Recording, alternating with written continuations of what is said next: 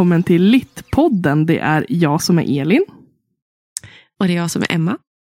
Oj, det var kort och koncist. Har du funderat sen förra avsnittet när vi hamnade typ i någon så här äh, hälsningsfras äh, hål, liksom där vi höll på att analysera våra äh, intron och avslut. Nej, jag bara fick syn på, för jag trasslade precis med mina, min, mina hörlurars eh, sladd. Eh, och när jag gjorde det så fick jag precis syn på att jag har faktiskt tagit med mig en, en eh, kaka. Ett rimligt svar ändå. och det var kort då och koncist att- Ja, jag har en kaka Ja, här. men- Jag har kaka, jag vill äta kakan. tänkte jag att om ju fortare jag säger hejet, så snabbare kan jag hugga in i den. Alltså fair, känner jag. I know, right? I know. It's reasonable enough. Ja. Så, um, how you doing? Berätta hur du mår så äter jag min kaka. Det är roligt att hon äter kakan nu också. jo, men jag mår bra. Jag mår, jag mår jättebra. Jag... Eh, eh, ja, men livet är bra, känns det som. Kort och koncist. Nej, men... Eh, jag vet inte vad jag ska säga. Jag har haft en väldigt bra dag på jobbet. Ja, Mm. vad har du gjort idag? Eller vad gjorde Japp. Berätta om din helg. Mm. Vi hade ju ett... eh, Oj, gud vad hände med min röst? Vi hade ett eh, diktvernissage på eh, jobbet som jag har eh, varit med och fixat. Mhm. Eh, vi ställde ut dikter som eh, elever i årskurs 4 och 5 hade hjälpt till och ja, men, de har varit involverade i den processen. Så de dikterna ställde vi ut och så hade vi vernissage i lördags och det kom lite människor. Vi hade mingel och mys. Mm, shit, Drack härligt. Alkoholfri cider. Viktigt att poängtera. Ja, det kom in en, kom in en man och bara, har ni ingen starköl här? jag bara, nej det är för Varför tidigt." är det alltid någon Varför är det alltid någon jäkla joker som dyker upp sådär och bara Ge mig lite brännvin. Och man bara, jag tyckte det var lite kul. dude. Ja, jag tyckte det var lite kul. Han ville vara lite lustig. "Åh, Stackarn. Ahaha, funny guy. Jag tyckte det var kul. Men jag sa det, nej du, det är lite för tidigt för det. Klockan var knappt tolv. Eh, och, nej, men, eh, det var jättemysigt. Jag hade gjort snittar. Det kändes också så här vernissageaktigt att göra snittar. Så det stod jag och gjorde. Alltså, jag vet inte riktigt vad snittar är. Alltså snittar kan väl vara lite allt möjligt. Men jag gjorde så här tunnbrödrullesnittar. av mjukt tunnbröd och så hade jag i lite gött gött i dem. Och så skär man. Är det tandpetaren Ja. som definierar en snitt? Nej, det tror jag inte. Men tandpetaren tycker jag är en viktig del om man ska liksom vara många som delar på snittar. Hej och välkommen till Matpodden. Nej men det var, det var jättemysigt. Och så eh, idag, det, vi eh, ska ju ha, på biblioteket ska vi ha en massa eh, sportlovsaktiviteter. Och då satt jag och försökte komma på pyssel till sportlovs ja, men, barnpyssel. Så jag gjorde en gubbe av en toarulle, en sån här tom toarulle som eh, åkte skidor. Nej, vad gulligt. det tyckte jag var jättekul. jag satt där och pysslade och bara la la la. Ja. Världens bästa jobb. Ja, vi, andra har ju suttit och varit liksom haft tusen folk att serva på en bokhandel en hel vecka. Vi andra har viktiga jobb. Nej. Okej. Ja, du har också ett viktigt jobb Emma. Jag, jag validerar din, din känsla av att du också bara, ja, mitt, jobb, mitt jobb är också viktigt. Ja, det är det. Utan, utan er så hade vi aldrig kunnat go crazy i bokrean. Mhm. Men, Vi kör över. oh my gud. Men hur mår du? Jo, men idag är det okej. Jaha. Äter min kaka, dricker min Red Bull. Ja. Pluggat, skrivit hela dagen. Eller jag har fan inte skrivit någonting idag. Jag har bara suttit och försökt make sense of myself eh, i min uppsats. Inte gjort så mycket. Jag har jobbat typ konstant i en vecka i sträck. Mm. Mm. Jag har ju liksom ingen heltid på, på bokhandeln. Men jag, eh, nu var det ju som sagt bokrea. Alla boknördars favoritfestival. Ja. Eller högtid eller vad man säger. Det här är vad vi sparar pengar till. Inte hus eller något sånt där viktigt. Bokrea. Jag sparar aldrig pengar till det, utan det får bli som det blir. Det kommer som en chock varje år och sen bara, oj då. Det var ju det här också jag skulle lägga pengar på. Oj. Det, Ja. det blir ett hål i plånboken. Oförutsedd händelse det här. Oj, oj, oj. Nej, men så att, eh, det har varit mycket att jobba, men det har varit jättekul. Jag älskar att jobba. Ja. Och Jag tycker det är fantastiskt roligt. när man gillar böcker och får gå runt och sälja böcker och prata böcker, det är ganska nice. Mm. Ja, men verkligen. Det är bara så här, man träffar väldigt mycket folk och det är väldigt olika människor varenda gång. Och så kommer de här vissa, apropå det här med att det kommer in en joker på biblioteket så där. Em, så dyker det upp ibland så här, vissa saker. Alltså man tänker inte så mycket när man, eller man, jo, man, nog tänker man, men man tänker inte, jo, nog tänker man på vilka människor man möter, men oftast efterhand. man bara, what the fudge? Det Och då var det fudge. någon, ja, fudge. Varför censurerar du själv? Det var första gången. Jag tror att jag är lite, så här, lite halvt obekväm fortfarande. um, nej, men det var, det är så här, ibland dyker det upp så här. Jag tänker ju sällan på att jag är en ung tjej. Som, som, jag tänker att jag är en person som får betalt att se glad ut och prata böcker med människor och serva dem liksom, på en bokhandel. Jag tänker sällan att jag är en, en, en, en tjej i sina bästa år. Någonstans. Och så kom det in någon sån här spjuver in och liksom köpte en bok som är med på bokrean som handlar om hur eh, naturen blev typ eh, svenskarnas eller norrlänningarnas religion och sådana saker. Och så hade jag och syrran precis pratat om den boken, om att växa upp i inlandet och med både liksom religion och eh, folktro väldigt närvarande. Och så surrar jag som jag alltid gör. Jag, alltså jag, jag surrar ju. Jag är en jävligt surrig person service. Så jag bara, aha den och där, där, där. Så bara babblar jag på och sen så slutar det med att jag tror att han faktiskt så här, typ, ville egentligen typ bjuda ut mig på kaffe. Och det var, det tror jag inte min man går med det, på. det klickade inte riktigt för mig. Utan han sa typ mest bara, ja men du är en jätteintressant person. Det här skulle jag jättegärna vilja prata med dig, fast över en kopp kaffe om det går bra. Och jag bara, haha vad trevlig du var. Jag fortsätter surra på och så bara, här är det påse upp och kvitto i påsen och så, hej då. Och han bara, hej då, och såg superglad ut och lite sådär. Och jag bara, wait a second. Oh. Så du kan No. ha gått med på gå ut på det. Så att jag var lite så här, dagarna efter var jag fan lite paranoid. Stirra på ingången. Så bara, Det kommer vilken no, sekund som helst. Ja, men alltså, herregud, hur ens... Alltså jag är ju verkligen den som... Nej, om någon typ så här, har ett crush på mig, jag är ju den som bara... How about no, honey, you don't want this mess. Du, du pallar tre sekunder, det lovar jag dig. I mean, ens det. You're gonna get run over and there's gonna be a lot of emotional fucking damage. I promise you. Nu ska man veta vad min man går igenom Ja, på daglig basis. Åh gode gud. Nej, det var lite... Det är väldigt intressant att jobba på bokrean när det är så mycket folk som kommer och går och man kör på sitt eget race. Ja, Så jag har haft kul med högt tempo. Eh, jobbade sista bokrea-dagen nu i söndags. Mm. Em, och det var, ja, jag vet inte, deppigt. På många, på en massa andra olika anledningar var söndagen deppig. Och idag var också lite deppig, men jag har ändå påtat på så gott jag kunnat. Trots sådana känslor. Om man säger så. Så det var det med det. det var det. Och inget mer med det. Har du, har du shoppat sönder på bokrean? Well. well. Jag vet Ja, alltså. mm, Ja, du vet svaret. Jo, jo, jo, jo. Det är ju lite svårt att hålla sig när man står där och tittar på alla reaskyltar. Hela dagarna.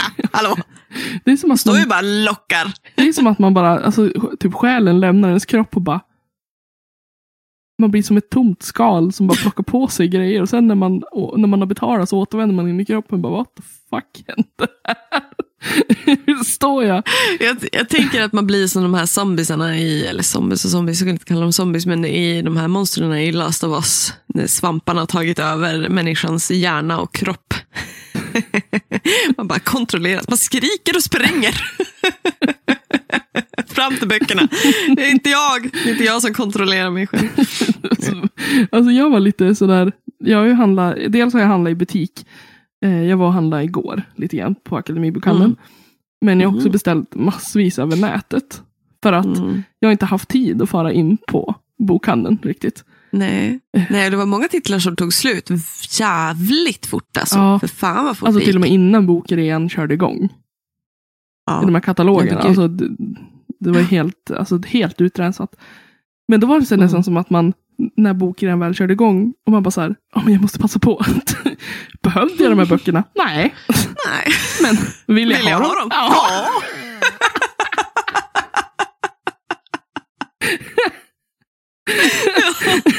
jo, jo, så. Ska man ha dåligt samvete? Nej.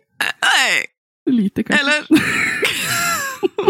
Nej men det där är väldigt, jag, jag, la ut ett inlägg på min, egen, min privata Bookstagram och liksom funderade kring det här också nu när man jobbar väldigt mycket om det här i retail, so to say. Eh, det, vi pratar ju väldigt mycket siffror och statistik, snark, men Ehm, men också liksom hur mycket pengar det är i bokrean och de målen vi ska nå som, som butik. Liksom, är det ju jävligt, mycket, jävligt höga summor.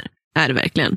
Ehm, och nu är vi också två bokhandlare i Umeå och våran är ju lite mindre än den i stan. Ehm, och sådana saker. Så man har ju, det skiftar ju lite beroende på vilken butik du är. Men jag tänkte väldigt mycket på det här med konsumtion och miljö och sådana saker. Så jag la ut en så här samtal, lite så här, ville starta typ en diskussion som fick jävligt mycket gehör på Instagram. Så jag var lite överväldigad. Jag har inte svarat alla än. Jag har inte svarat någon än. Men det är så här, liksom, vad är det jag har liksom tvekat på att lägga ut hur mycket jag faktiskt köpt på bokrean. Delvis, liksom, inte för att jag, jag har både samvete och plats och ekonomi för, för det jag har handlat.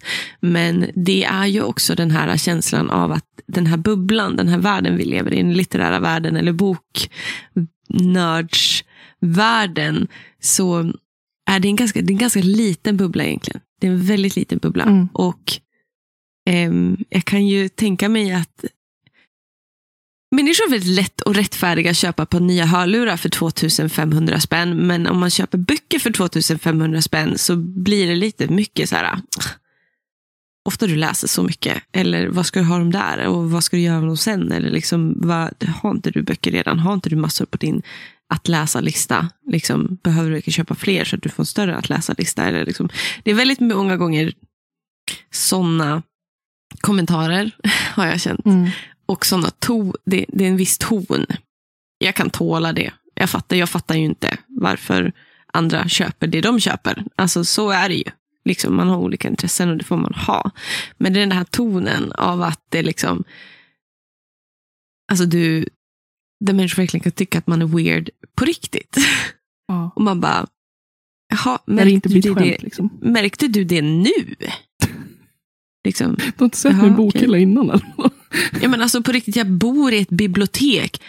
What the fuck do you think I get the books from? Ja. Det, jag uh, menar, är det, om, om det är ens största hobby, ens enda hobby nästan. Så mm. blir det mm. som att, så här, ja, ja, vad, vad, ska jag lägga pengarna på? liksom, vad tänkte du? Att jag ska, ska jag bara sitta på pengarna? Eller? Ja, kan man ju i och för sig säga, apropå sparande. nej, men, nej, men, uh, nej, jag...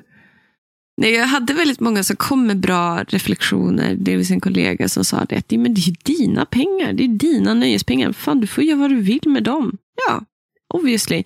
Absolut. Och så var en annan som sa det, att ja, men det här är ju mitt liv, som du säger. Liksom, mm. att Det här är ju, som sagt, jag skrev det själv också med tanke på mitt yrke.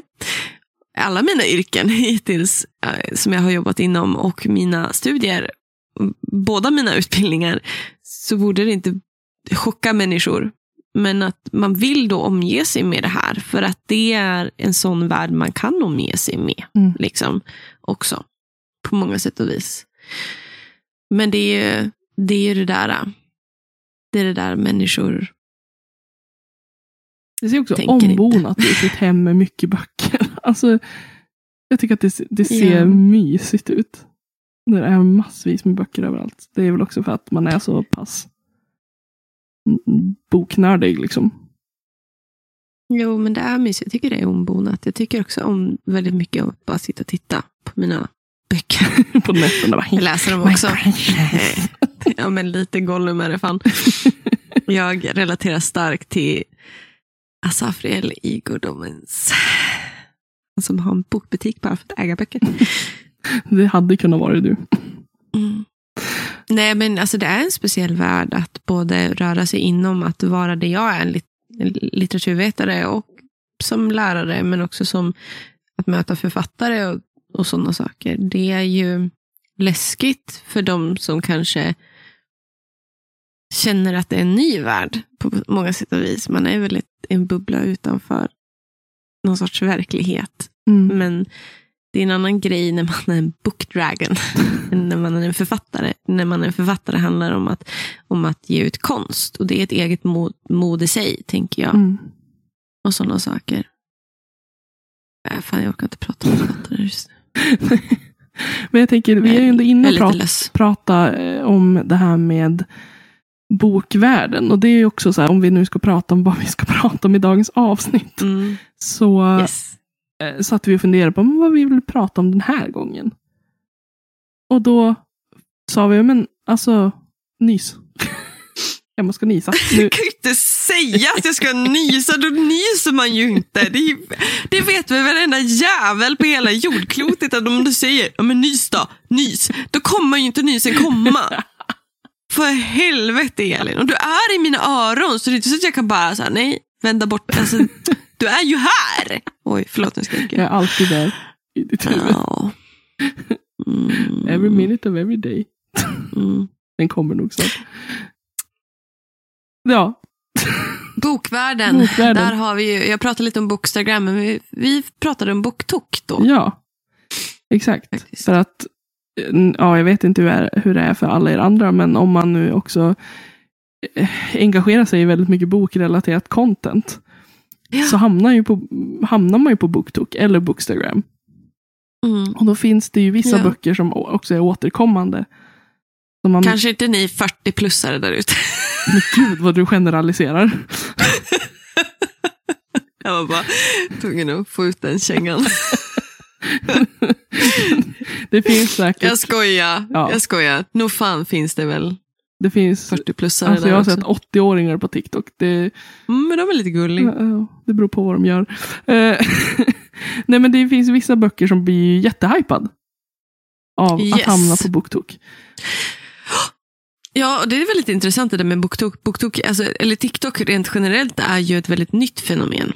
Började, det slog ju i taket eh, av sociala medieanvändning under pandemin Mm. någonstans. Främst av faktiskt yngre. Ehm, Mm. det hette förut tror jag Musically Ja. eller något sånt där. Och då var det främst bara för att, för att vad heter det, lip sync och dans var det mycket sådana videor man, videor man gav ut.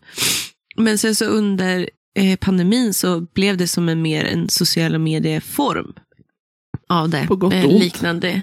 På gott och ont. Det finns mycket, mycket problematiskt. Mycket, mycket kritik har eh, riktats mot TikTok och det finns mycket fortfarande problematik med TikTok och dess, eh, vad ska man säga, censurerings eh, eh, Mm. den funkar ju inte alls, om man säger så. Eh, Så det finns mycket, mycket hemskt där också. Japp. Men vi har ju haft eh, booktubers, eller booktube är ju typ en YouTube-influencer som fokuserar på eh, böcker. Då. Eh, och sen så kommer ju på sätt och vis Bookstagram och så kommer då Booktok som en hashtag då på TikTok. Där man hamnar på den sidan av TikTok på ditt, ditt följarflöde där det bara dyker upp bokrelaterat content Mm. också. Med boktips eller att folk bara pratar om böcker eller visar sina bokhyllor. Alltså sådana saker. Bara, det är ofta Ja. väldigt härligt.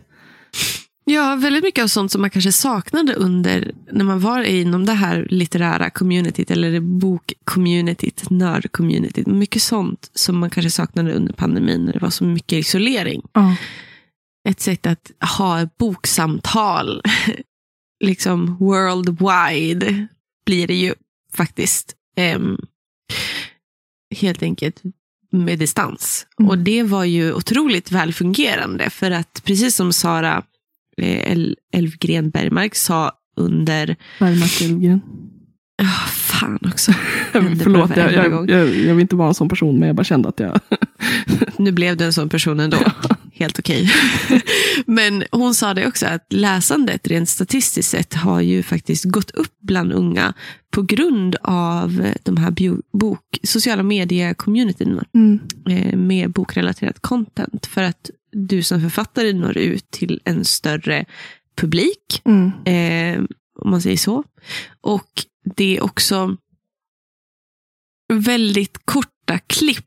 är det ju. Du kan ha max tre minuter innan. Och det är ganska nytt faktiskt, för, från förra året tror jag. Man kan ha upp till tre minuter. Förut så var det liksom så korta klipp som möjligt. Där du ska kunna sammanfatta en bok och få den att låta spännande. Och samtidigt få det se lite eh, estetiskt ut. Ja. Ehm, för att liksom ha de här boksamtalen, om man säger så. Ja. Och så skulle man Snabba gärna videos. matcha det med något populärt ljud också. Ljud, precis. En låt, en... Eh, En replik Ja. från en film eller något sånt där. Jag vet ju att mycket så här från The Office dyker upp ibland på min. det är inget jag har reflekterat över vart de kommer ifrån. Jag bara, ah, det här sparar jag. jag tänker mer typ så här, jag, bara, jag känner igen den här repliken. Den här har jag kunnat gått och sagt till mig själv någon gång ibland. Hmm. Hashtag relatable.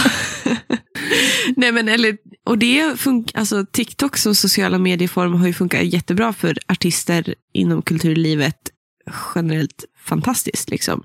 Många, många, många musiker och eh, konstnärer och då även författare har verkligen kunnat dyka upp och nå ut utan att betala så jävla mycket pengar hela tiden.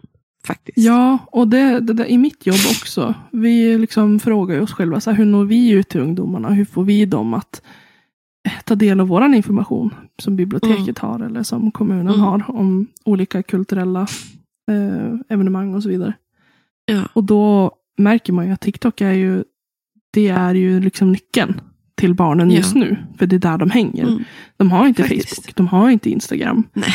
Och det är ju Snapchat och TikTok. Jo, Men precis, samtidigt så Snapchat vill finns det, det finns sådana motsättningar på goda grunder. Alltså det finns ju Ja. ändå det finns rimliga argument till varför man inte ska använda TikTok. Ja. Men det blir ju också väldigt svårt, för jag menar, hur gör man då? Då det inte finns en motsvarighet där, barnen hänger. Om man nu i vår verksamhet vill nå ut till barnen och vill ja, men, dra in dem i verksamheten, Mm. få dem att komma in på bibliotek till exempel. Mm. Då, är, då är det det man måste göra.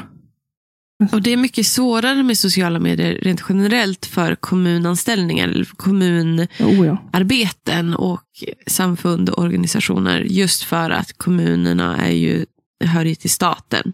Det vill säga det kan finnas mycket känslig information och sådana saker som ehm, du går ju med, precis som på alla sidor som du går med i, eh, du går ju med på vissa policies, om man säger så. Och TikTok ägs ju inte av någon, något västerländskt land eller företag, utan det ägs ju av eh, öst, ett österländskt Det är land, tror jag. Kina. Eh, det är Kina som äger dem. Det är därför man också är eh, så pass emot det, för att man är väldigt rädd att Kina då spionerar via den informationen som TikTok lagrar i eh, Ja. din telefon. Att. Kina får ta del av den. För att man är rädd Mm. för vad Xi Jinping skulle kunna använda sig liksom, av Mm. den informationen. Ja. Men det, är- alltså, det är svårt. För som sagt, det, är- just nu är det ju bara där barn och ungdomar hänger. Mm. Så att, eh, men nu ska vi inte haka upp oss på liksom, det negativa med TikTok. Utan vi Nej, vill ju ändå liksom, att det här ska bli en form av ett, en av, ett avstamp för vad vi ska prata om. För även Ja. på, på, på då TikTok, eller då BookTok, så är det ju Mm. en viss genre av böcker som Ja. syns mest. Eller, Ja, eller det, det är lite roligt det där, för BookTok är ju en hashtag. mm, Och sen så har den ju massa sub-hashtags. Jag till exempel från början har ju hängt väldigt mycket på HorrorTok. Eh, mycket eh, där har jag letat upp så här roliga eh, skräckböcker som jag kanske inte hade dykt upp för mig annars. Helt enkelt. Eh, samma sak på Bookstagram är det ju så också. Men, och så finns det ju också Fantasy Took där också BookTok är med och då är det liksom fantasyverk och sen så finns det ju massa så. Men det är vissa böcker som är liksom väldigt återkommande i den generella BookTok-hashtaggen mm, som man hamnar i. Ehm, och det först och främst är det ju genrerna eh, fantasy och romance som är superpopulära mm, eh, på TikTok. Också de som vi, de titlar vi har tagit in eh, på bokhandeln har oftast varit inom romance och fantasy, om man säger så. mm, Eh, helt enkelt.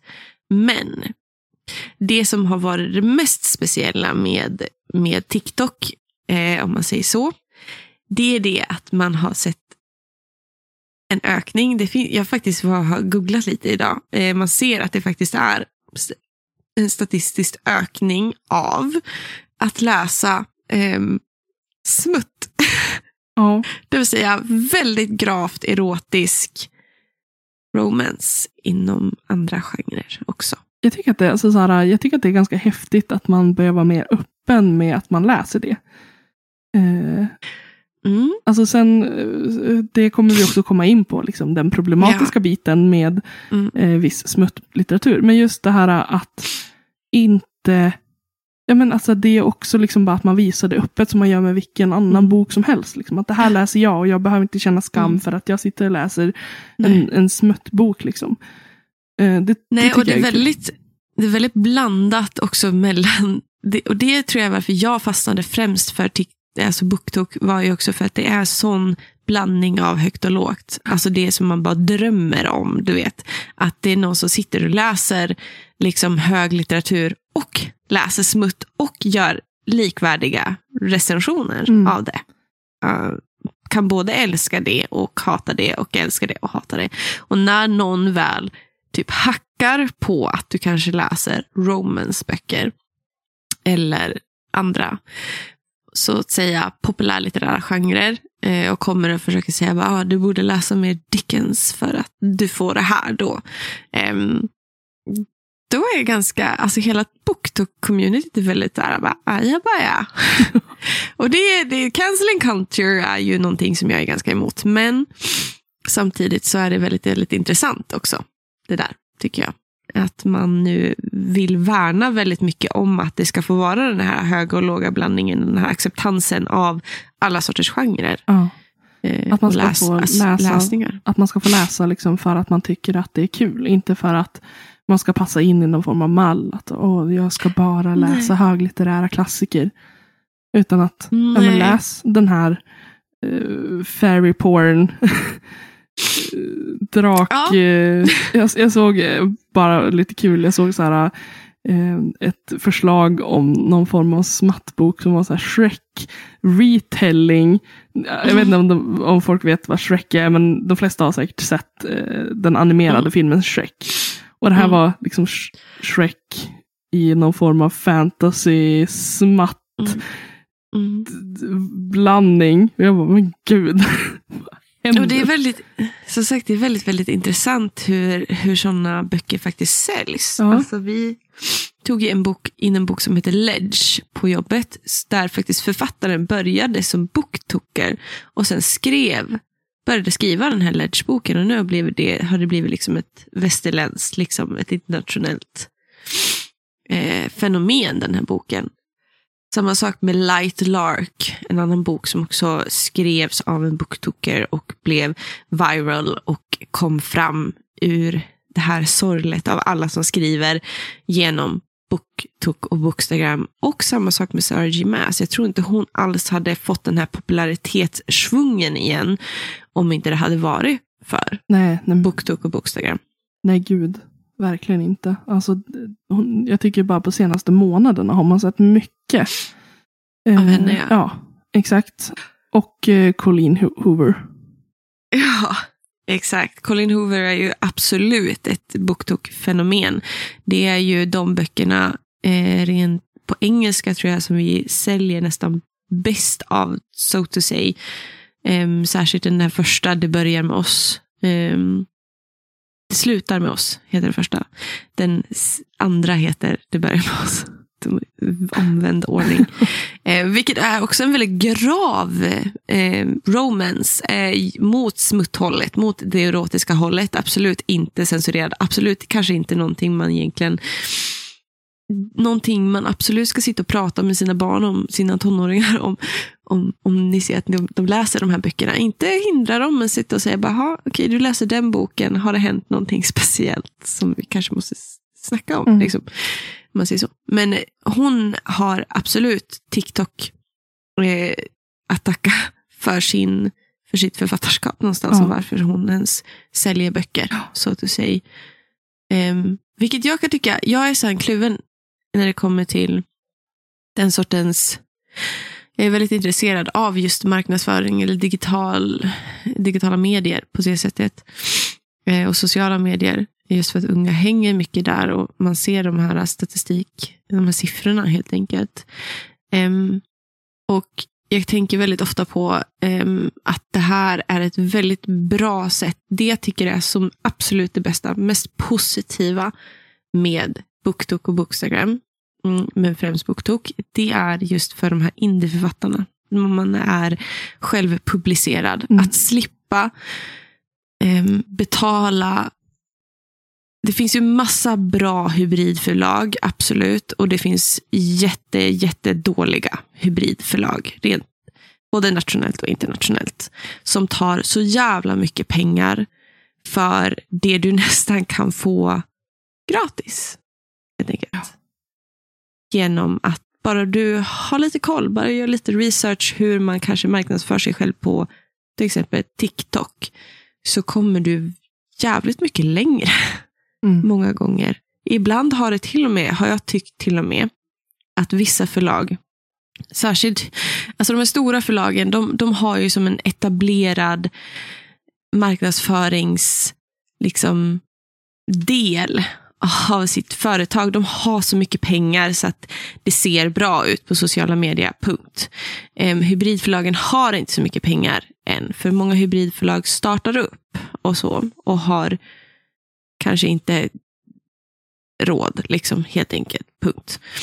Um, men det ser väldigt ofta väldigt taffligt ut och de har väldigt dålig sociala medier-strategi. Ehm, som gör dem väldigt, väldigt osympatiska. Uh, och jag tror absolut att en av anledningarna till varför de här författarna säljer så bra genom TikTok och BookTok och Bookstagram är för att det är så sympatiskt. Mm. Det är så sympatiskt att se de här indieförfattarna sitta och skriva och struggla och visa upp sina böcker och fundera kring formgivning och fundera kring alla sådana saker. Ehm, och sen ser de lyckas och sen ser de i bokhandeln. Liksom. Ja, man får ju också en väldigt tajt eh, liksom läsarkrets. Att de också Ja. känner sig delaktiga i resultatet. För att man bollar idéer Exakt. med sina läsare. Liksom, Ja. De som följer en. Exakt. Istället för att, alltså jag har, som sagt, som sagt, jag vet att det finns bra hybridförlag där ute som verkligen, verkligen vill väl. Och verkligen är skitduktiga på det de gör och som hybridförlag. Jag är dock jävligt någonstans emot att förlag ska ta så mycket pengar som hybridförlag gör för liksom tjänster som på riktigt egentligen inte Alltså då tycker jag då ska man, då ska man liksom, alltså jag vet inte. Det är sån osäkerhet och det är så mycket pengar du lägger ut genom hybridförlag. Hallå, marknadsför dig själv. Alltså Ja. marknadsför dig själv via, via sociala medier så blir det nästan samma resultat. Ja. Ibland till och med lite bättre. Då måste du vara jävligt duktig på research när det kommer till de här hybridförlagen. Mm. Så akta dig för att skriva på dåliga kontrakt. Det är väl det jag vill säga. kanske. Men jag tänker att vi har ju faktiskt läst två jag har läst en bok från BookTok och du har läst en bok från BookTok. Som vi tänkte hinna Ja. prata om också. Yes, precis. Det handlade väldigt mycket kring medier. Eh, Ja, och det blev lite... Ja, Elin. det blev en liten Mm. utläggning där. Men jag tänker att eh, Emma, du kanske vill börja och prata om din bok. Ja, ja, det var därför jag såg så awkward ut. För jag tänkte att det var lite kul om du hade också bara, ja det blev lite awkward det här. För att vi råkade ju hamna då och välja böcker som var smutt. Då. ja, ja, det bara råkade bli så. Det råkade, det bara... För mig Eller råkade, det faktiskt bara bli så. Du, jag, jag frivilligt köpte Ja. den här smuttboken och började läsa den och visste om att det var en smutt. Eh, Jag trodde att det här var en feel good romance som jag skulle läsa, men icke. Nej. Men jag har i alla fall läst eh, första boken i, eh, som heter Rhapsodic av Laura Talassa, tror jag man uttalar hennes efternamn. Och det är The Bargainer Series Book One. Eh, den här boken släpptes 2016, så de här, den här trilogin, det är tre böcker, har faktiskt fått svung via sociala medier Mm. helt enkelt. Ehm, Det var faktiskt, den här författaren blev tipsad av en kollega som är väldigt bevandrad inom smuttgenren. Love her, though. faktiskt, för att det är så, she's so unapologetic about it, så att det finns inte. Ehm, ja, jag vet inte vad jag ska säga om den här boken. Jag har ju som sagt läst ut den och jag har beställt då. bok två och tre. Oh. Och jag sitter och bara... Alltså det är så här, Robert har bara suttit och tittat på mig och bara... Jag bara, vad, vad håller du på med? Han bara, nej det är bara lite kul att kolla på dina reaktioner. För jag sitter bara, he did what? What is that? To what? Why?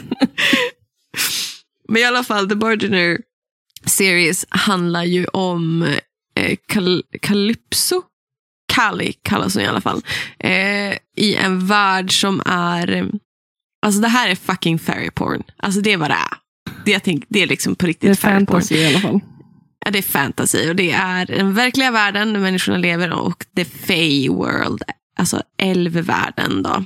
Ehm, som har de här, som vanligt är de indelade i olika courts och då finns det The Bargainer eller Desmond, eller han kallas Des.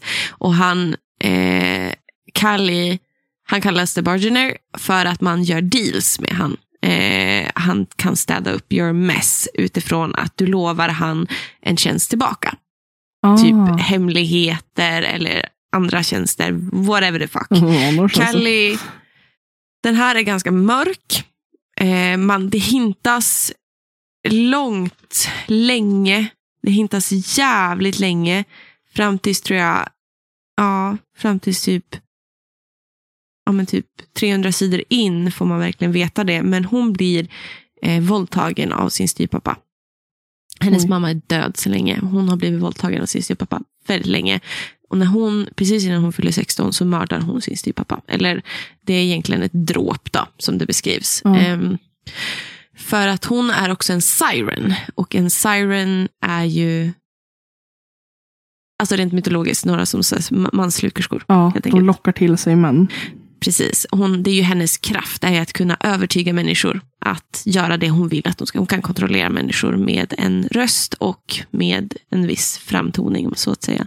Och hennes styvpappa har ju då fallit väldigt ofta för det. Men, eh, och även innan. Alltså innan hon ens utvecklade de här eh, magiska sakerna. Så det, han är en riktigt dålig människa, han förtjänar att dö. så att säga. Ehm, men Jag måste bara få Och då- fråga, så här, det vinklas inte som att han får typ så här, att han eh, ja, men, eh, blir lite så här led of the hook för att hon är en siren. Alltså att typ så här, han kunde inte rå för det. Från början, och det var en av de största problemen jag hade med boken fram till 300 sidor när hon säger, när hon säger rakt ut och berättar sin historia, I got raped. Då, då kändes det som att det hintades om att det var hon som hade för kort kjol. Hon var lockade. Hon var en manslukerska för hon är född som det. Eller sådana saker. Eller de pratar om att typ sirens är typ cursed. Att vara med om dåliga saker. Mm. Men nu så var det faktiskt så att de utvecklar krafterna eh, från och med tonåren. Och han hade våldtagit henne även innan hon hade utval- utvecklat sina krafter. Så det här är på riktigt inte, det är väldigt tydligt där på sida 300 att det här har ingenting med någonting annat än att han var en fucking pedofil. Jag tänker annars hade det Liksom. kunnat vara lite problematiskt tycker jag. Eller inte bara lite Mm. heller. Det hade varit jävligt problematiskt. Jätte, och det, det är mycket problematik Ja. i den här boken. Alltså det är som sagt, det, hon då kallar till sig The Bargainer, Desmond. Och han vill först inte göra en deal, för han gör inte deal med mindreåriga, men han får ett hjärta för Callie ändå av någon anledning. Man förstår inte riktigt varför. Eh, han är ju flera hundra år gammal, återigen en av mina största problem med de här fey, fairy porn grejerna. Ehm, hon är inte 16 riktigt än, så hon är egentligen inte myndig. Hon blir myndig när hon är 16 eh, i den här övernaturliga världen. Så, så. Eh, och sen så gör hon då en deal med The Bargainer och han fixar, löser allt det. Och sen så gör hon bara som en ung kärlekskrank tonåring, för hon blir ju kär i han. För han är ju så här, alltså hur han beskrivs är så här, Världens hunk. Nej men alltså det är ju, det vet de här riktigt fula omslagen som ibland fanns på Harley Quinn-böcker med de här blonda männen som var typ helt nakna. Det är typ så han beskrivs och jag bara, jag kräks, jag kräks så mycket. Alltså Alltså jag är dåligt. typ traumatiserad av smuttgenren. Att det är så här, du, jag skulle aldrig någonsin tända på en vältränad kille. Give me the fucking dad Men bods. typ, så här, alltså typ att de nästan beskrivs så här djurisk. Ja, men alltså, no, det gör faktiskt inte Nej. Desmond. Och det gillar jag faktiskt. Däremot hennes ex, som nästan som en varulv. Då, eh, han, det var jävligt problematiskt. Han kommer ju hem och försöker våldta henne när hon gör slut med han. Eh, för att han typ håller på att förvandlas till varulv och då är de extra känslomässiga. Naturligtvis. Vilket jag kände så här någonstans att det där är en ganska accurate beskrivning av män generellt. Jag var typ lite så här, han kan inte rå för det för det är, testo, alltså det är så massa, massa testosteron som bara skjuter runt hela kroppen. De kan inte, de kan inte hejda sig själv för att de blir sugen. Mm. Liksom. De har ju Nej, han kan inte tänka. Han kan ju inte tänka rakt för att han älskar ju Calypso så han vill bara knulla henne tills hon skriker hans namn. Alltså han säger det på riktigt. Man bara, Har de någonsin varit, alltså nej. nej. No. Men då kommer Desmond och rädda henne så det är nice. Ehm, men i alla fall så, i alla fall. Det finns en plott utöver att Desmond och Calypso ska knulla. Även om det är en jävligt lång tease. Jag ska säga det, att det här är liksom på sätt och vis både en fast pace plottbok och en jävligt eh, slow burning brukar man då Men alltså hon är beskriva dem fortfarande som. 16. Och han är flera år. Nej, för Desmond, man får inte veta det. Den hoppar mellan nutid och dåtid. Gör den. Ah, Så man får veta i nutid så kommer Desmond tillbaka. Sen så hoppar du tillbaka i sju år i tiden. För att av någon anledning så lämnade Desmond henne för sju år sedan. Och det hintas, han hintar det i nutid nu när han kommer tillbaka för att han ska collect his bargain. Liksom. Eh, hon har ju gjort Alltså hon har ju gjort tror jag, över 350 deals med han. oj. Yes. Ja, det är så mycket, det är väldigt mycket i den här boken som är... I alla fall, han kom tillbaka sju år senare. Eh, och ska då collect de här dealsen. Eh, och hon var ju, när han lämnade henne för sju år sedan, var hon ju stört förälskad i han. Och man vet inte vad som hände i deras konflikt, utan man hoppar hela tiden, varje kapitel tillbaka i tiden för att typ få reda på vars, varför han lämnar henne. Och han nämner någon gång ibland i nutid när hon försöker prata med han om det. Att det var ju inte, jag har aldrig lämnat dig, jag ville aldrig lämna dig. Det var ju du som pushed me away. Och hon bara, fast det var ju du som typ bara strang me along for fucking several years. Liksom. Och typ lovade massa saker och sen så bara, nej, nej, nu, nu bara drar du då. Nu bara, Alltså, och sen så bara försvann han. Och hon försökte leva ett liv i typ sju år alltså utan han. fast att det blir så här, åh, det här låter jätteproblematiskt. Så blir jag ändå så här, Mm. jag är lite nyfiken. Alltså den är Är den, in, alltså, den är intressant. Ja, oj vad du, alltså oj, vad det, du rånar. Jag vet, men det är, så här, det är också så här. Du läser för att du vill veta det. Du vill veta vad som hände. För han är verkligen så här, nej men jag ville aldrig lämna dig. Och hon bara, du drog. Du, du tog avstånd från mig först.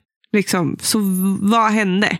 Liksom, och han bara, nej det är ett samtal för en annan stund. Man bara, oj, grinig eller?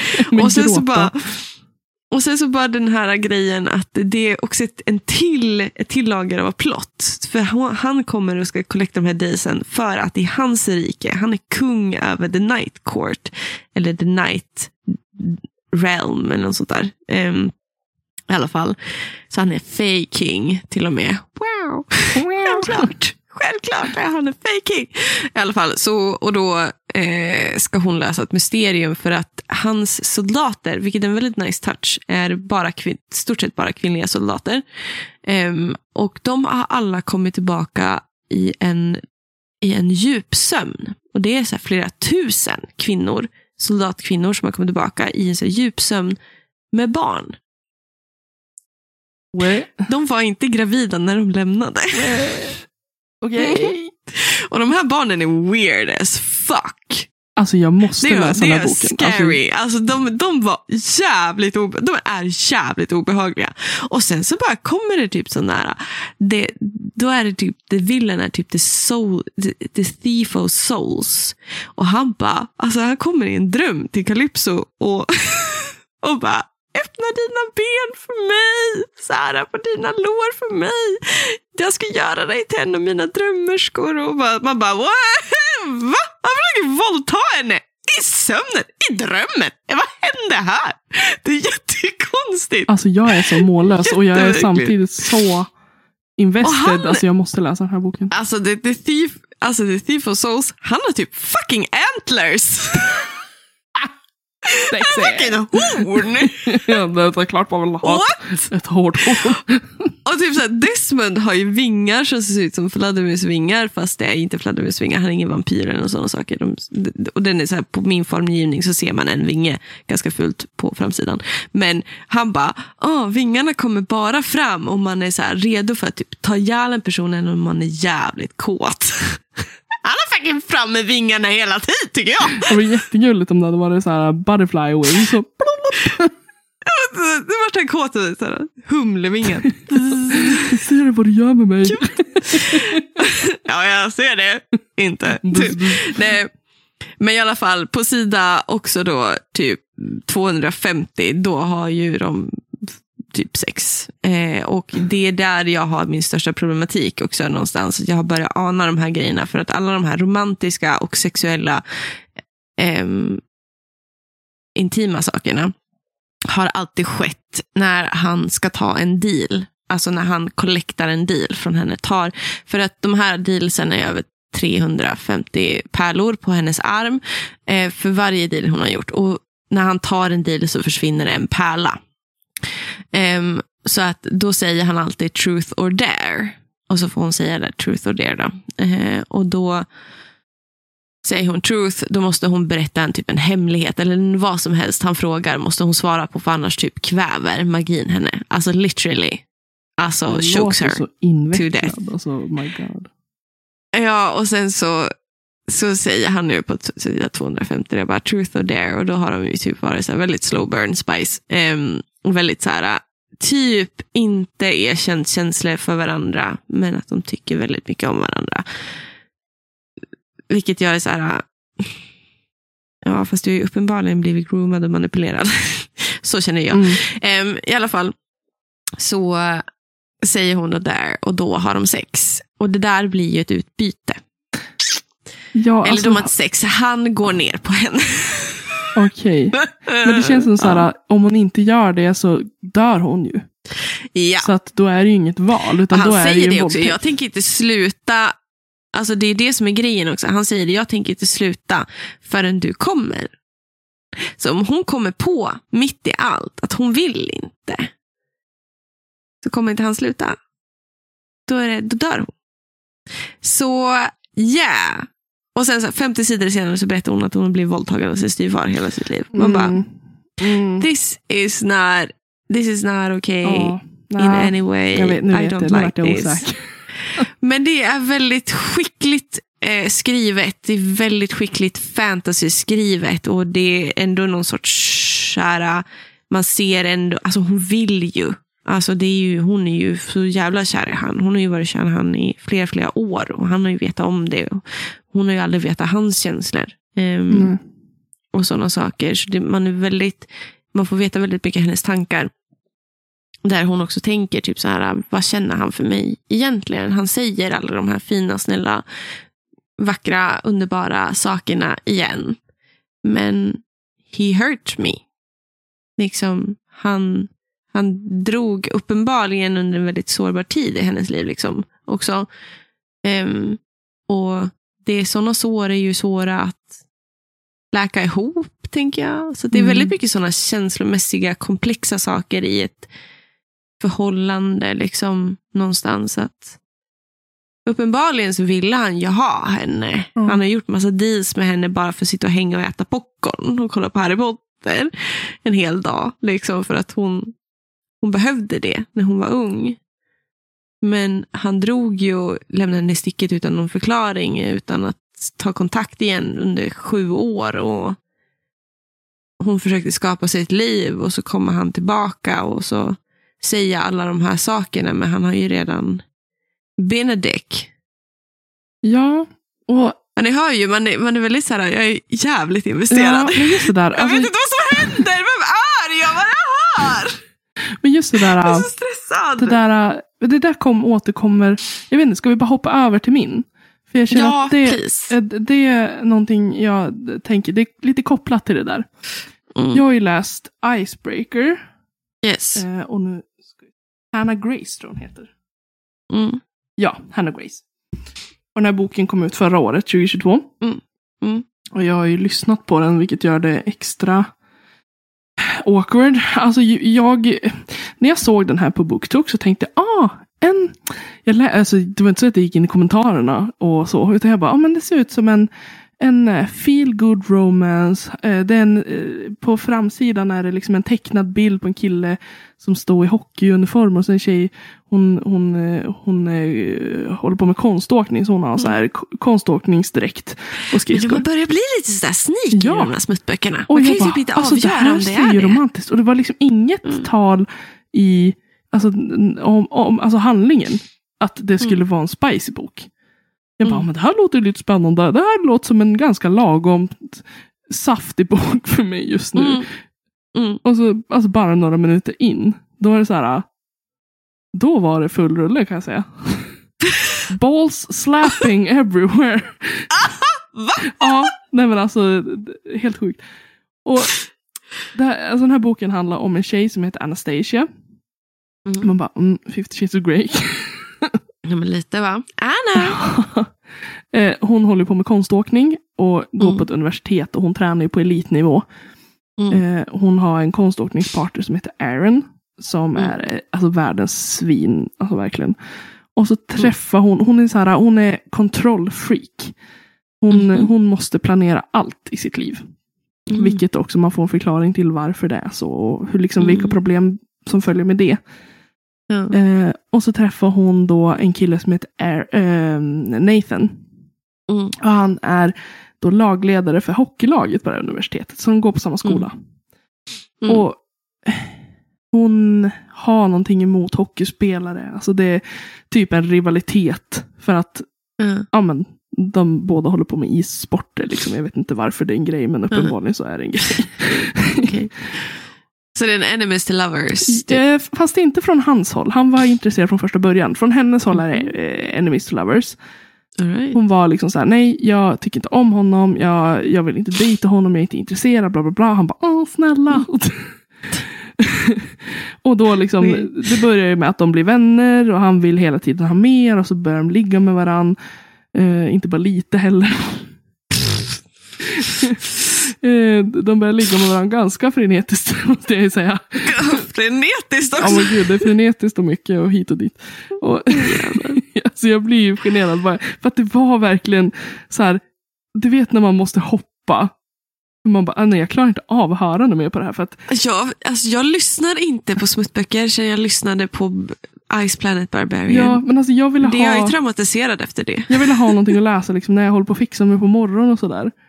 Och jag Ja. kliver upp jättetidigt, så jag sminkar mig klockan fem på morgonen och så bara, his dick pushed into her. Och jag bara, nej det är för man vill tidigt. inte ha det på morgonen. Det är för tidigt, Oj. jag har inte druckit kaffe. Snälla, jag nej. står här i min, i min morgonrock och bara nej. Jag är för gammal Mm. för att höra på sånt här. Alltså, jag- vill ha. Åh, jag vet inte. Nej men, men gud. Ja, nej, men alltså man står där och bara är lite generad. För jag har alltid så här, jag har inte hörlurarna på mig. Utan jag bara spelar den rätt ut i luften också. så jag bara, ja. Och, och så tänker jag alltid så här, tänk om Emil hör vad jag lyssnar Ja. på. Och han bara tror Ja. att jag lyssnar, lyssnar för, att jag, porr, för att jag tycker om det. Alltså, för att jag bara, åh, fem på morgonen. Så det är så här, a woman has, has needs. Oh, men den här, den här boken, alltså, den har ju fått jättemycket positiv kritik. Alltså, den har verkligen synts överallt. Eh, ty, Mhm. för mig i alla fall. Mm. Eh, och då, tänkte, då hade jag liksom så här, ja, men jag, jag går igenom den, även om det är en snuskbok så går jag igenom den. För den måste ju vara Ja. bra, det måste ju vara en bra Ja. handling. Och Ja. det, alltså det var någonting som irriterade mig redan från början och jag kunde inte riktigt sätta fingret på vad det var. Mm. Förrän typ bara igår när jag liksom höll på att komma fram till slutet. Och det Mm. knyter an lite grann med vad du sa.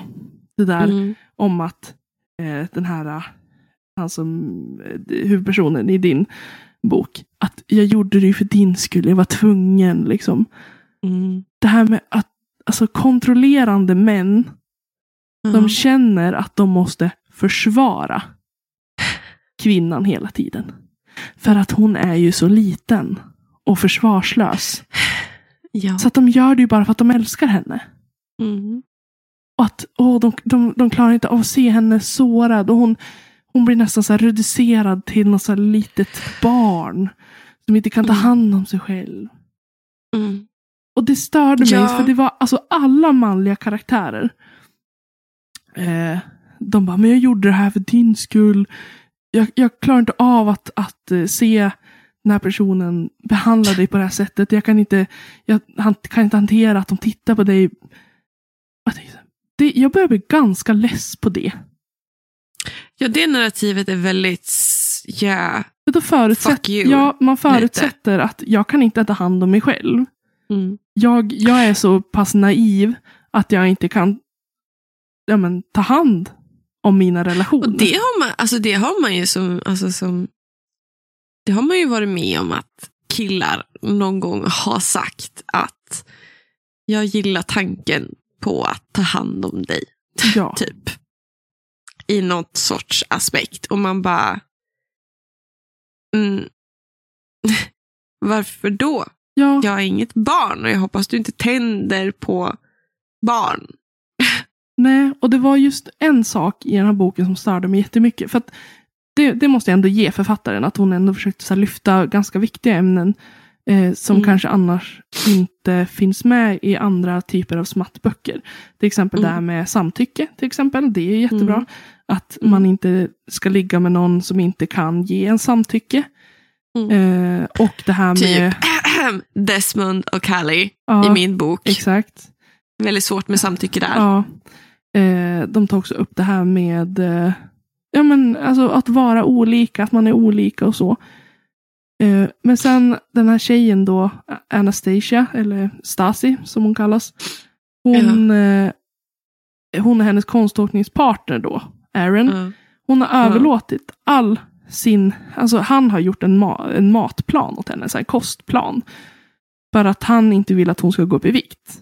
För att då blir hon för tung att lyfta där ute på konståknings... Eh, Excuse the fuck you. och hon, hon bara godtar. ehm, för det, Han kan väl fucking träna mer då? Ja, exakt. Eh, men det är inte, alltså så här, man får ju också veta att hon har ju fått ett jätteätstört beteende. Ja. Och det är ju mycket tack obviously. vare Aaron. Ja. Men det krävdes att Nathan Att Ja. han bara, men gud du äter för lite, alltså du äter för lite kalorier, du får i för lite. Hon bara, va? Gör jag? Är det sant? Oj, det visste jag inte. Men alltså till också författarens försvar och sådär. Alltså så är det ju också kulturen. Jo, men alltså det var Inom- som att hon inte hade, alltså hon är en vuxen kvinna som inte hade förståelse vad typ en kalori är. Och hur mycket, alltså att vara ätstörd är ju liksom också så här, då har du ju också väldigt koll på dina kalorier, vilket hon hade. Men det Mm. vinklades som att så fort Nathan sa det, så var att, Åh, tack för att du informerar mig. precis. Exakt. Älskar din mansplaining. Ja. Det är därför jag är så jävla kåt på det hela tiden.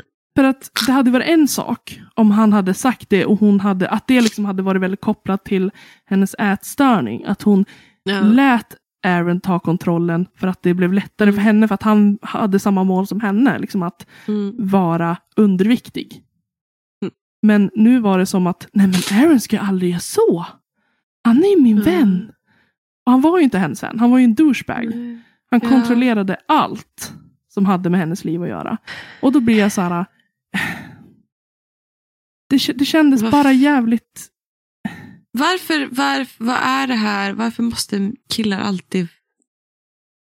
Varför kan de aldrig vara jämlika? Nej, och varför, varför måste kan det inte vara bara så här, åh, varför, ja, alltså, ja, och så varför kan det inte bara vara jämställt? Varför kan det inte bara vara så här att oj, fan vad bra vi är på att kommunicera? Ja. Jag antar att folk inte tycker det är så sexigt med kommunikation. Eller det vet jag att människor inte tycker. ja, nej men alltså det blev verkligen som att hon blev reducerad många gånger till ett barn. Som han var tvungen att Mm. liksom prata till som ett barn. Förklara Mm. saker för henne som hon absolut inte kunde förstå själv. Och sen fanns Ja. det tappra försök att försöka göra henne till en väldigt stark karaktär. Eh, Mm. Hon var liksom väldigt medveten om sina issues många gånger. Att hon hade gått Mm. väldigt länge i terapi och så vidare. Ja. Men någonstans så faller den. Att den, den vill så mycket. Mm. Men det känns som att så här, det finns fortfarande spår. Och Jag kan förstå, det här är ju också kanske en författare som är ändå influerad av andra smattböcker. Och att Mm. uppenbarligen så finns ju intresse. Alltså det, vi har ju, vi som läser böckerna. Framförallt Mm. vi som tycker om de här böckerna. Varför säger du vi? Nej, men jag tänker alltså för att inte... Ja, för Inte- er som lyssnar. Ja, alltså så här, vi som kollektiv. jag bara direkt, Alltså, inte med inte, mig. jag, inte, jag, inte jag specifikt, men alltså jag, vill, jag vill inte säga ni, Ja. utan Ja. vi som tycker som om vissa böcker då. Mm. Att vi, vi har ju blivit lärda att det här är ett okej beteende. Vi har Ja. blivit lärda att det här är någonting som är, är eh, efter, eller som att liksom, det här är en egenskap. Vet du vad jag skulle vilja läsa? Nej. Jag skulle absolut, alltså om jag skulle helt klart bli tokkär i en smuttbok som vinklade att det här med gränssättningar. att göra det till någonting riktigt sexigt. Ja. Att, att man lär sig sätta gränser, man respekterar varandras gränser och man respekterar personen. Typ, jag skulle, jag skulle gilla den här boken om det inte var det först och främst att de hade träffats när Callie, innan hon ens var 16, innan hon ens var myndig.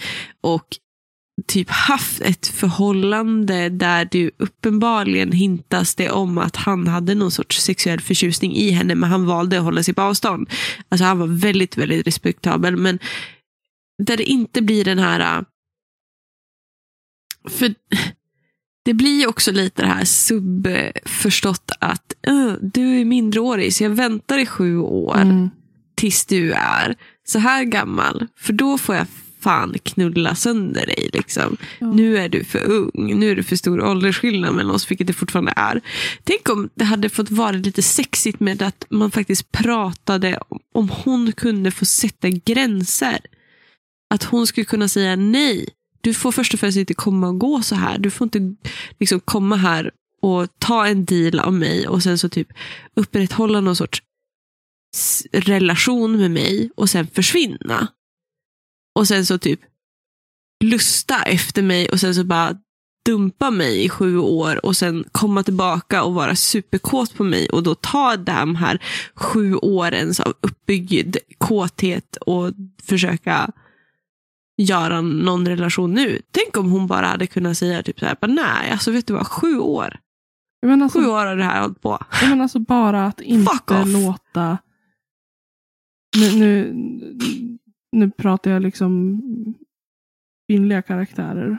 För de målas alltid Mm. oftast upp som offer. Offer för omständigheter. Att Ja, kvinnor bara kan exakt. få vara alltså, tänkande varelser som, som inte behöver räddas hela tiden. Som kanske Ja. får vara den som räddar någon jävla gång.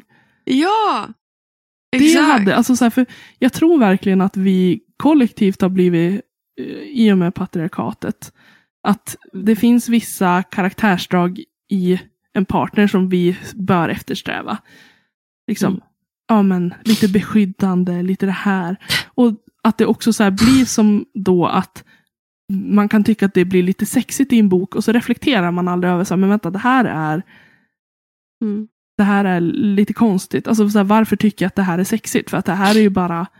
Jag hade inte velat haft en partner som var så.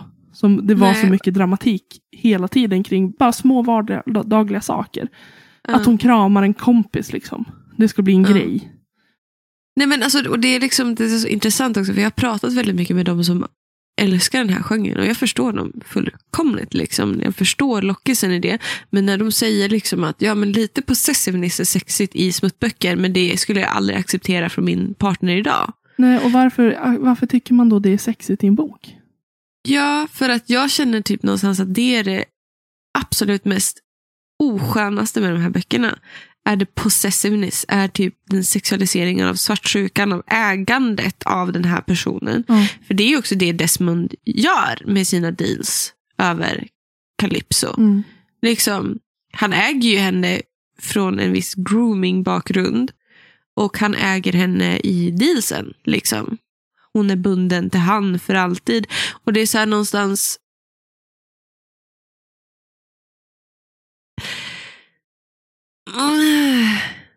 Är alltså, Och när hon typ sätter gränser så blir han typ kränkt. Och det, det, är, Mm, så här, det är mitt värsta. Det är så här, då, då känner jag bara, nej men alltså du är inte så nice Desmond. Alltså du låtsas vara den här äh, äldre snubben som räddar henne och som typ har bara ett band med henne i en speciell relation. Men du uppenbarligen så respekterar du ju henne inte. För du blir ju väldigt så här. Äh. Ja, men om hon säger nej eller om hon säger att det här känns inte bra längre eller du beter dig illa i den här relationen. Du, du ger mig konstiga vibbar. Då blir han så här, nej, nej, det gör jag inte alls det. Nej, nej, jag är så här, jag är med om mycket nu. Och man bara så här, varför reagerar alltid män så? Ja. Jag förstår inte. Nej, Ja, du att- får väl ha hur jävla jobbigt du vill i ditt liv med det. Det är liksom så här, fan kan du vara lite sympatisk och empatisk för det? Det är väl rätt så sexigt. Varför måste du skriva så där? Ja, men just liksom det här att när man då påpekar, en karaktär påpekar att det här är inte okej. Ja, Att det, det är som att de blir gaslightad varje gång. Att säga, men jag gjorde ju bara det här för att du, jag vill att du inte ska vara i fara. Eller ser du inte hur andra behandlar dig? Eller inte vet jag. Men alltså just att det, det är okej att ta bort den andras erfarenhet och bara, nej men jag har rätt. Och det, ja, jag, och det är väl liksom så här, alltså man känner igen den där retoriken från män även idag. Ja, ja. Och jag, jag lägger absolut inte liksom någon skam eller skuld hos alltså, de som gillar smatt. Alltså, jag har också smattböcker som jag Mm. gillar. Alltså, det, är inte, det är inte det som är problemet. Problemet blir bara att vi blir så alltså, lite hjärntvättad av vissa av de här sakerna. Att vi blir så, vi blir så liksom, vi möts av det här så ofta. Och att det liksom hamnar under radarn liksom, för vad man reagerar på. Mm. Att det fortsätter Ja. vara någonting som bara ligger där. Och att man inte liksom reflekterar över så här, men är verkligen det här sexigt? Eller är det bara en samhällets, liksom, vad samhället tycker att jag ska tycka är sexigt? Förstår du vad jag menar? Ja. Men vi hade ju kunnat prata om det här jättelänge till. Men Ja, Nu- och jag kände så här, jag kände så här verkligen, jag letar också efter en viss specifik grej. För att det är så här väldigt så här. Väldigt speciellt varför han kommer tillbaka efter sju år och väldigt speciellt varför han ens lämnade. Men jag tänker det är kanske är någon som vill läsa. Ja, exakt. För att det är väldigt så här, jag har varit irriterad, men jag tror nog att den som är väldigt investerad, och jag kommer ju fortsätta läsa de här Ja. böckerna, så att jag har beställt fler. Men Jag tror också att jag kommer läsa den. Så att det, den pinpointar för mig, jag som också är väldigt mycket inne i feministisk teori just nu, Gilbert och Gubar är mina bästa vänner, pinpointar väldigt mycket den här äh, ängeln och demonen som Virginia Woolf pratar om. Ja. Den här äh, internaliserade manliga blicken. mm, Ehm, den här äh, mäns förmåga att ställa dig på en pedestal och tycka du är helt fantastisk och helt underbar tills du inte stryker dem medhårs längre. ja, Tills du ställer krav. Ja. Tills du sätter en förväntan på dem för att det är faktiskt så man behandlar vänner. Liksom. Man gör det. Man sätter förväntningar och krav på sina vänner mm, och på sina relationer. Ehm, och hur man då faller så hårt från den pedestalen. Mm. Då blir man ju... Jag kan känna verkligen den här med The Siren-tropen med Calypso. Att ja. Det blir nästan som att hon mansslukerska och det är absolut hintas om sådana saker och jag tycker inte att man ska romantisera sådana saker Mm. tycker att man ska vara medveten om att det är snabba och ibland flera lager av bra delar i de här smuttböckerna. Men det är först och främst en väldigt misogyn Mm, blick på kvinnan. mm. Det tycker jag. Sen ville jag ju tipsa om massa så här BookTok-böcker, men eh, det hinner jag inte. Nej, jag tänker att vi kanske får göra ett enskilt inlägg med tips då. Ja, Det blir bra. Men det, Ja. det var jättekul att prata om det här. Vi, vi kanske återkommer till BookTok. Det säger vi alla ämnen, för alla ämnen är intressanta. och det är alltid kul att prata sex. Ja, det, Det- Fast nu pratar vi inte så mycket om sex, nu pratar vi om det problematiska Ja. med de här böckerna. Men det är väldigt intressant absolut att prata om BookTok och Bookstagram och hur man som författare navigerar sig där och Mm. hur man som läsande människa navigerar sig där och sådana saker. mm, Jag trivs väldigt bra på Bookstagram. Jag älskar att jag gjorde om min privata Instagram till en Bookstagram. Ja. Jag trivs mycket, mycket bättre med att lägga ut och jag har mycket, mycket roligare och jag får samtidigt också vara jävligt privat. Det är väldigt skönt också, ja, tycker jag. Så jag tycker det är ett fantastiskt community att vara i, yes. faktiskt. Och med de Det orden det så det. avslutar vi dagens avsnitt. Hoppas ni har en Så- fortsatt bra dag. Ja, Så hörs vi. men hörni, vi hörs. Ha det bra. Hej! Hej.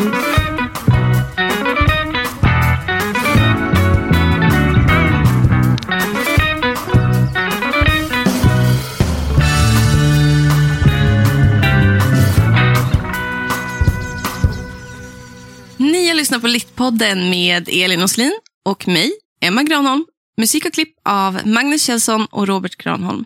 Tack hörni för att ni har lyssnat.